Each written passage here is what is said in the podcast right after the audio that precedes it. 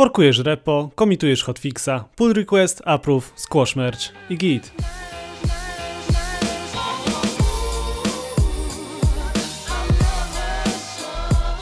Witajcie w glosariuszu programisty, podcaście, który pomoże Wam odnaleźć się pośród wszystkich wyrażeń ze świata koderów, niezależnie od tego, czy swoją przygodę z programowaniem dopiero zaczynacie, czy macie już trochę doświadczenia.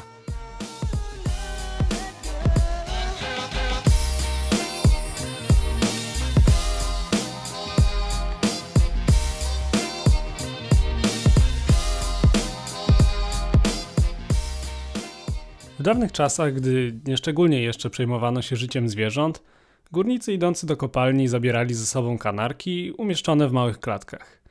Ptaki te zwykle całkiem sporo sobie świergoczą, a ich śpiew dobrze się roznosi w kopalnianych tunelach. Nie zabierano ich jednak ze sobą po to, by umilały pracę, chociaż na pewno dodawało to trochę otuchy tak głęboko pod ziemią. Zabierano je ze względu na brak ich śpiewu właśnie – nawet mała ilość metanu w powietrzu potrafi takiemu małemu kanarkowi mocno zaszkodzić, więc nastająca cisza w eterze oznaczała niebezpieczeństwo wycieku trującego gazu. W dzisiejszych czasach po takiej praktyce została jedynie nazwa. Kanarkami lub Canary nazywa się testowe wersje aplikacji, które to właśnie mają ostrzec programistów przed ewentualną katastrofą. O testowaniu, testach i testowych wersjach już wspominałem we wcześniejszych odcinkach – jednak temat ten jest super rozległy, więc w tym odcinku chciałbym się na nim skupić trochę bardziej. Zacznijmy od tego, że testowanie to proces, który ma na celu weryfikację oprogramowania pod kątem zgodności ze specyfikacją, spełniania wymagań klienta, a także wydajności i niezawodności działania. Jest także pomocne w unikaniu regresji, czyli popsucia wcześniej działającej poprawnej funkcjonalności. Ważny też jest aspekt marketingowy posiadania testów, testerów i procesów z tym związanych. Zawsze klientom łatwiej będzie zaufać firmom, które pokazują, że jakość kodu jest dla nich bardzo ważna. Testy aplikacji dzieli się na manualne i automatyczne. W manualnych testach symulujemy użytkownika końcowego poprzez ręcznie przeklikywanie się przez całą funkcjonalność aplikacji. Nie jest to jednak takie bezmyślne klikanie czego wpadnie, tylko jak już wcześniej wspominałem, jest to sprawdzanie zgodności ze specyfikacją. Tester manualny musi więc być specem od wymagań. Najlepiej, żeby znał je lepiej od samego klienta. W sumie bezmyślne klikanie też jest jednym z rodzajów testów, ale o tym później. Tak wyglądają testy manualne. Testy automatyczne z kolei to hmm, programy testujące fragmenty kodu w kontrolowanych warunkach. Zajmują się tym wszystkim programiści, jednak z powodu wielkości i złożoności projektów wiele firm ma pełnoprawne oddzielne stanowisko dla testerów, najczęściej nazywane po prostu QA od Quality Assurance. Testy oprogramowania można podzielić na cztery typy: funkcjonalne, wydajności, dymne i eksploracyjne. Funkcjonalne, jak sama nazwa wskazuje, skupiają się na sprawdzaniu funkcjonalności aplikacji pod względem biznesowym – Testy wydajności, zwane też stres testami, sprawdzają działanie rozwiązań pod dużym obciążeniem. Zazwyczaj podczas takiego testu generuje się setki tysięcy zapytań do serwera, tworzy się ogromne ilości danych w bazach, które się potem przeszukuje, y, a potem mierzy się czas wykonania danych operacji, obciążenie jednostek obliczeniowych albo zajętość pamięci operacyjnej. Trzecim typem są testy dymne, częściej nazywane smoke testami – Zajmują się one sprawdzaniem działania krytycznych dla całego systemu funkcjonalności. Najczęściej są bardzo szybkie, a wykorzystuje się je na przykład zaraz po wdrożeniu nowej wersji aplikacji, żeby sprawdzić, czy faktycznie stoi i śmiga jak należy. Czwarty typ testów to testy eksploracyjne. Definicja tego typu mówi, że jest to technika projektowania testów przez testera w czasie, gdy są one wykonywane a informacje, które tester zdobywa podczas testowania, wykorzystywane są do projektowania nowych i lepszych testów. Sporo tutaj nowych pojęć i może brzmi to jak mocne teoretyzowanie, jednak warto znać tę całą terminologię, bo na serio często się jej używa. Przy okazji mnogość pojęć pokazuje, że praca QA wcale nie jest taka prosta, jak na pierwszy rzut oka może się wydawać. Na przykład bycie testerem nadchodzącego cyberpunka, no myślę, że nie polega tylko na przejściu całej gry kilka razy. Tak więc wróćmy do poznawania kolejnych pojęć. Poza typami testów rozróżnia się też ich poziomy. Powstało nawet pojęcie piramidy testów, która przedstawia graficznie hierarchię i ilość wykonywanych testów. Zacznijmy od podstawy piramidy. Tworząc aplikację, piszemy funkcje, czyli fragmenty kodu, które mogą być wielokrotnie uruchamiane z różnych miejsc i które to mogą zwracać jakiś wynik. Możemy im podać również parametry, które na ten wynik mogą wpłynąć w różny sposób. Funkcja zawsze powinna zwracać wyniki zgodne z naszymi założeniami bądź specyfikacją, jednak zazwyczaj ilość możliwości jest ogromna, więc aby dokładnie sprawdzić poprawność działania takiego fragmentu kodu, tworzy się testy jednostkowe. Jednostkowe dlatego, ponieważ celem testu jest sprawdzenie jednej funkcjonalności, jednego elementu całego programu, najczęściej właśnie funkcji. Działają one tak, że tworzymy sobie zbiór danych wejściowych dla naszej funkcji i zbiór przewidywanych danych wyjściowych. Dla wszystkich tych danych test jednostkowy uruchamia funkcję i sprawdza, czy rezultat jest równy odpowiadającym danym wyjściowym, które zadeklarowaliśmy wcześniej. Może jakiś przykład. Mamy funkcję realizującą potęgowanie. Danymi wejściowymi weźmiemy sobie 2 i 3, daną wyjściową 8. Jak wiemy, 2 do potęgi trzeciej równa się 8. Jeżeli funkcja zwróci 8, test jest zakończony sukcesem. Jeśli chcemy przetestować funkcję, która nic nie zwraca, bo takie też są, wtedy musimy sprawdzić element, y, na który miało wpływ jej wykonanie. Załóżmy, że testujemy funkcję wywoływaną przez naciśnięcie przycisku do zamykania jakiegoś okna. Nasz test jako dane wejściowe przyjmie wtedy to okno, a efektem wykonania funkcji powinien być brak tego okna. Test jednostkowy będzie więc sprawdzał, czy wykonanie funkcji z oknem w parametrze powoduje jego zamknięcie.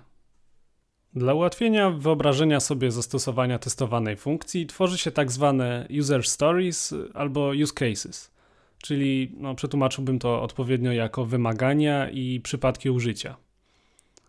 Dla kalkulatora user story to byłoby na przykład dodawanie, mm, a use cases, use case najczęściej definiuje się w postaci krótkich zdań, na przykład jeśli użytkownik naciśnie przycisk 2 i naciśnie przycisk plus, i naciśnie przycisk 2 i naciśnie przycisk równania, to na ekranie pojawi się liczba 4. Konsekwentne pisanie testów i formułowanie ich w przypadku użycia tworzy nam swego rodzaju dokumentację naszego kodu.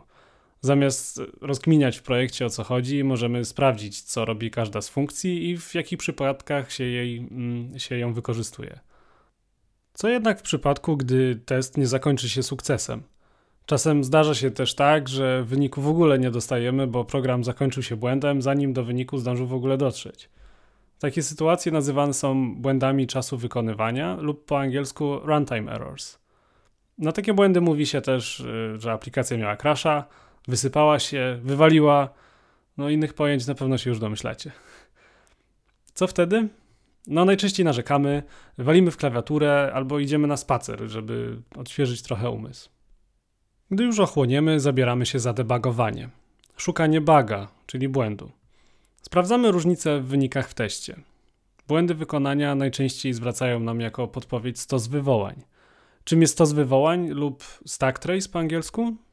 Wyobraźmy sobie, że mamy funkcję A. Funkcja ta wywołuje funkcję B. Funkcja B wywołuje funkcję C, która to wywołuje funkcję D, która wywołuje funkcję E. Zauważacie już stos? Na spodzie stosu jest funkcja A, a na jego szczycie funkcja y, do E doszedłem. Więc na szczycie jest funkcja E. Jeśli funkcja E się wysypała, to dzięki stack trace'owi widzimy przebieg wywołań wszystkich funkcji podczas działania programu i miejsce, w którym wystąpił błąd. Bardzo przydatna rzecz. Jeśli chcesz programiście zgłosić jakiś błąd, a twój ekran jest zasypany czymś, co przypomina taki stos, koniecznie mu podeślij jego treść. Na pewno dużo szybciej e, rozwiąże błąd. Jest taka bardzo popularna technika tworzenia oprogramowania zwana Test Driven Development, zapisywana w skrócie TDD. Można to przetłumaczyć jako rozwój napędzany testami. Powiem szczerze, że jest popularna, bo ciągle się o niej mówi, często jest przedmiotem pytań na rozmowach kwalifikacyjnych ale osobiście nie znam nikogo, kto na dłuższą metę stosowałby się do jej zasad. Na czym polega test driven development? Ogółem chodzi o to, żeby w pierwszej kolejności pisać testy do jeszcze nie, nieskończonej funkcjonalności. W praktyce wyglądałoby to tak. Załóżmy, że klient chce kalkulator. Napiszemy więc testy, które testują kolejno dodawanie, odejmowanie, mnożenie itd. Tak Dopiero później funkcje, które są przez te testy uruchamiane, zaimplementujemy we właściwym miejscu naszego projektu, czyli na przykład przypiszemy je do odpowiednich przycisków naszego kalkulatora. Założenie jest więc szczytne, bo wymusza na nas pokrywanie testami całej aplikacji. W przypadku dużych projektów pozwala to zaoszczędzić y, czas na szukaniu błędów, jeśli takie wystąpią. No, jest y, takie pisanie testów jest jednak bardzo czasochłonne, a w przypadku małych projektów ten czas może się nam nie zwrócić po prostu. Wyszliśmy od testów jednostkowych. Pokrywają one taki bardzo nisko, niskopoziomowy zakres aplikacji. Kolejnym zakresem, który należy sprawdzić, y, jest całość aplikacji jako nierozdzielnej jedności, lub mówiąc inaczej, należy sprawdzić, czy jednostki, które testowaliśmy wcześniej, potrafią współgrać ze sobą. Zajmują się tym testy integracyjne, będące drugim poziomem testów w piramidzie. Żeby zrozumieć ich ideę, polecam wpisać sobie w Google frazę dwa jednostkowe, zero integracyjnych. Wyskoczy Wam pełno przykładów, gdzie kilka dobrze wykonanych komponentów totalnie nie współgra ze sobą, jak mm, na przykład świeży przykład. Mm, Apple wydało do swojego Maca Pro aluminiowe kółka kosztujące obecnie 3,5 tysiąca złotych. No nie mają jednak one hamulców, więc jeśli powierzchnia, na której stoi komputer jest chociaż delikatnie pochyła, no nasz Mac odjedzie, ciągnąć za sobą wszystko, co jest podłączone do niego kablami. Same kółka wyglądają pięknie i się kręcą, więc no, jako jednostki swoją rolę spełniają. Komputer również działa niczego sobie. Jednak kółka połączone z tym komputerem no, średnio już wykonują swoje zadanie. Na trzecim poziomie testów, w piramidzie testów, dużo tych testów. No więc na trzecim poziomie testów, w piramidzie testów, znajdują się testy end-to-end, zapisywane też skrótowo E2E. Są to najbardziej kompleksowe testy sprawdzające całe funkcjonalności aplikacji, bądź nawet kilku współpracujących ze sobą aplikacji. Mm, ten drugi przypadek jest y, bardzo częsty w dobie popularności mikroserwisów. Mikroserwisy to malutkie aplikacje backendowe o takim wąskim zakresie odpowiedzialności. Na przykład ostatnio w firmie stworzyliśmy mikroserwis zajmujący się zakładkami w portalu informacyjnym. Test end-to-end -end dla takiej funkcjonalności wymaga więc uruchomienia wielu aplikacji, które traktujemy jako czarne skrzynki. Mm, mamy aplikację frontendową, bo w niej klikniemy dany przycisk. E, mamy bazę danych, bo artykuł do zakładki trzeba skądś wczytać. E, potrzeba uruchomić do tego inny mikroserwis zajmujący się samym wczytywaniem danych z bazy, e, z bazy danych do aplikacji frontendowej, no i tak dalej. Jak sama nazwa wskazuje, jest to test od jednego końca do drugiego. Wadą tych testów jest jednak to, że dają dosyć mało precyzyjne informacje o błędach, na zasadzie, że cała dana funkcjonalność leży, no, zamiast podać na przykład linię kodu, która powoduje problem.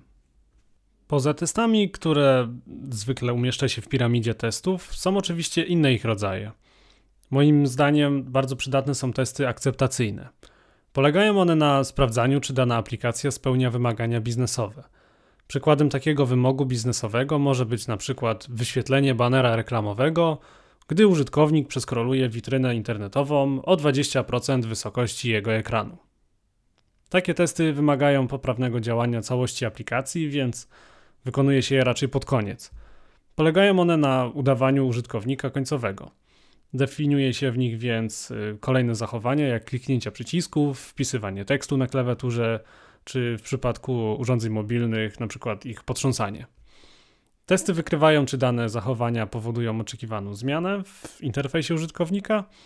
No i jeśli takiej zmiany nie ma, bądź odstaje ona od zdefiniowanej normy, wysypują się z zazwyczaj całkiem dokładnym opisem różnicy w uzyskanym efekcie. Ciekawym rodzajem testowania jest małpie testowanie, częściej zwane jako monkey testing. Nazwa ponoć pochodzi od twierdzenia o nieskończonej ilości małp, które, jak podaje Wikipedia, mówi E, małpa naciskająca losowo klawisze maszyny do pisania przez nieskończenie długi czas Na pewno napisze dowolnie wybrany tekst, taki jak na przykład kompletny dorobek Williama Shakespeare'a. Zakłada się też, że taka małpa najpewniej da radę wywołać w testowanej aplikacji błąd poprzez losowe klikanie wszystkiego co popadnie. Taki rodzaj testów wchodzi zresztą na przykład w skład podstawowych narzędzi testerskich środowiska Android Studio. Jak wspominałem w trzecim odcinku glosariusza programisty, testy automatyczne najlepiej skonfigurować jako krok w pipeline dowolnego narzędzia do Continuous Integration, tak by uruchamiały się na przykład wraz z każdym utworzeniem pull requesta albo każdym merge'em w naszym repozytorium. Warto dodać zabezpieczenia w stylu blokady merge'a, e, jeśli testy zakończyły się niepowodzeniem. Testy end-to-end w ogóle powinno się uruchamiać w pętli na opublikowanej wersji produkcyjnej, na przykład co 15 minut. Y, tak dla pewności, że wszystkie komponenty systemu cały czas sprawnie działają. Gdy już wszystkie testy automatyczne przejdą i zakończą się oczywiście sukcesem, przychodzi pora na testy manualne. Odbywają się one zazwyczaj bez dodatkowych skryptów, no chyba że takich, które generują nam jakieś dane bądź ustawiają testowaną aplikację w określony stan – który akurat chce się przetestować. Testy manualne są więc y, czasochłonne, często też monotonne. Zazwyczaj jednak nie wymagają od testera umiejętności programistycznych. Osobiście bardzo lubię oglądać osoby nietechniczne testujące aplikacje, ponieważ wpadają one na pomysły, które mi nigdy by do głowy podczas tworzenia, nie wiem, interfejsu, nigdy by mi nie przyszło do głowy. Wydaje mi się, że jest to główna zaleta testów manualnych końcu użytkownikiem końcowym będzie człowiek, najczęściej właśnie nietechniczny. Mm, tester manualny sporządza więc szczegółowy raport, w którym często zawiera informacje o tak zwanym user experience, inaczej zwany jako UX, czyli o wygodzie korzystania z danego rozwiązania. Manualnie łatwiej jest również sprawdzić zgodność z wymaganiami biznesowymi w porównaniu do automatycznych testów akceptacyjnych. No bo co z tego, że wspomniany wcześniej banner reklamowy jest widoczny na ekranie i test automatyczny przechodzi, skoro okazuje się, że człowiek tego banera widzi na przykład tylko część, no bo reszta wyjechała nam poza ekran. Podczas rozwoju dużych projektów często słyszy się też o testach AB, pisanych jako A ukośnik B. Czasem nawet spotyka się testy A ukośnik B ukośnik C i tak dalej. Można by się spodziewać, że to jakiś kolejny rodzaj testów automatycznych albo technika manualnych. No jednak nie. Bardziej można je określić jako metodę badawczą. Istnieje bardzo duże prawdopodobieństwo, że wszyscy braliśmy udział już w tych testach, nawet o tym nie wiedząc. Testy AB najczęściej polegają na stworzeniu dwóch wersji, czy to aplikacji, czy na przykład strony internetowej i serwowanie jej różnym grupom, grupom odbiorców. Przykład prosto z życia, który jakiś czas temu zastosowaliśmy w pracy. Wersja A strony internetowej wyświetlała komunikat o dostępnym planie premium od razu po załadowaniu strony. Wersja B z kolei wyświetlała ten sam komunikat, ale dopiero po przeskrolowaniu strony o 20% jej zawartości. Podczas testu badano, czy zmiana momentu pojawienia się komunikatu ma wpływ na zainteresowanie ofertą, albo inaczej mówiąc, bardziej profesjonalnie, liczono współczynnik konwersji, czyli konwersję zobaczeń oferty na, na skorzystanie z niej. No, wyników niestety nie mogę zdradzić. Y, tego typu testów na portalach informacyjnych zazwyczaj przeprowadza się kilka naraz, a wyniki nieraz są no, naprawdę zaskakujące.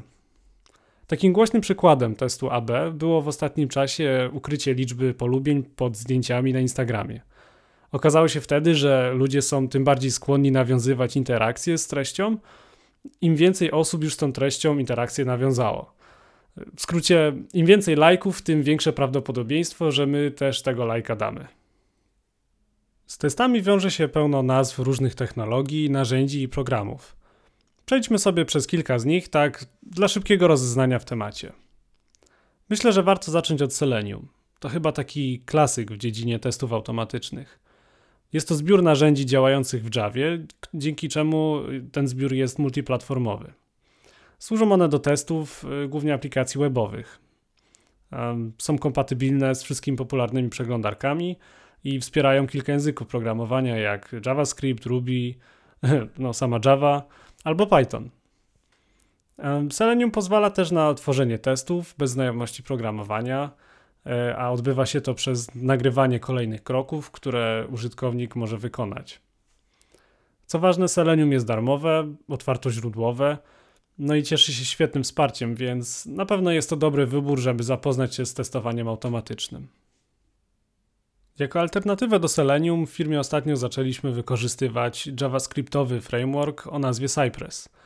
Również służy do testów end-to-end aplikacji webowych, jednak co jest w nim fajne, to fakt, że działa na wszystkim, co da się odpalić w przeglądarce, również na starszych projektach.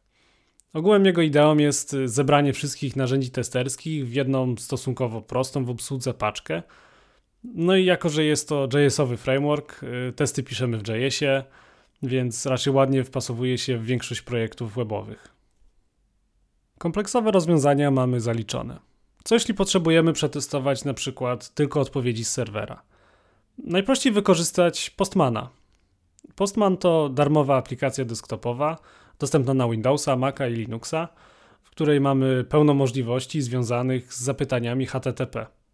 Poza oczywistym wysyłaniem zapytań i odbiorem odpowiedzi, możemy w nim zapisywać nasze zapytania, automatyzować je, tworzyć zestawy testów, a nawet tworzyć zaślepki prostego API, e, które możemy wykorzystać do rozwoju aplikacji frontendowej, gdy, gdy nasz backend jeszcze nie jest gotowy. Dodatkowo wszystko łatwo synchronizować z chmurą, więc udostępnienie całego tego dobra e, na reszcie naszego zespołu jest super proste. Alternatywą dla Postmana, y, która jest super popularna, jest Soap UI. Może wszystko co Postman, a nawet więcej, więc jest też przez to bardziej złożony. Co do testowania aplikacji mobilnych, zarówno środowiska deweloperskie dla iOS-a, jak i Androida zapewniają zestaw sprawnych narzędzi, jednak jeśli chce się mieć wszystko w jednym miejscu i jednym języku, to myślę, że dobrym wyborem może być Appium. Sam kiedyś z niego skorzystałem i mm, wydaje mi się, że jest ok. Zostały nam jeszcze testy wydajności. Tutaj najpopularniejszy jest istniejący od wielu lat JMeter. Ostatnio jednak rynek zdobywa Gatling, z nazwą pochodzącą od kartaczownicy Gatlinga, która była prekursorem karabinu maszynowego. Nazwa trafna, co nie? W końcu chodzi o strzelanie ogromną ilością danych. Co ciekawe, skrypty do Gatlinga piszemy w języku Scala, jednak nie trzeba jakiejś super jego znajomości, a wydaje mi się, że dodatkowy język do poznania to zawsze jakieś urozmaicenie codziennej pracy. Jak usłyszeliście, testowanie aplikacji to wcale nie jest taka prosta sprawa. Testerzy lub inaczej QA mają ręce pełne roboty, a firmy software'owe chętnie poszukują nowych, więc na pewno jest to ciekawa ścieżka rozwoju. Wydaje mi się również, że zostanie testerem to dobre wyjście, jeśli chce się związać z branżą IT, ale nie do końca jest się pewnym, czy zostanie programistą to to, co nas interesuje. Dzięki za wysłuchanie. Jak zawsze zapraszam do dyskusji w sekcji komentarzy na YouTubie lub na moim Twitterze, do którego link znajdziecie w opisie odcinka. Oczywiście zachęcam do subskrypcji, gdziekolwiek mnie słuchacie. Podcast jest dostępny na YouTubie, Apple Podcast, Google Podcast, Spotify i kilku innych serwisach do słuchania podcastów. W następnym odcinku kolejna porcja wyrażeń, skrótów i zapożyczeń, bez których programista nie może się obejść. Do usłyszenia w glosariuszu programisty.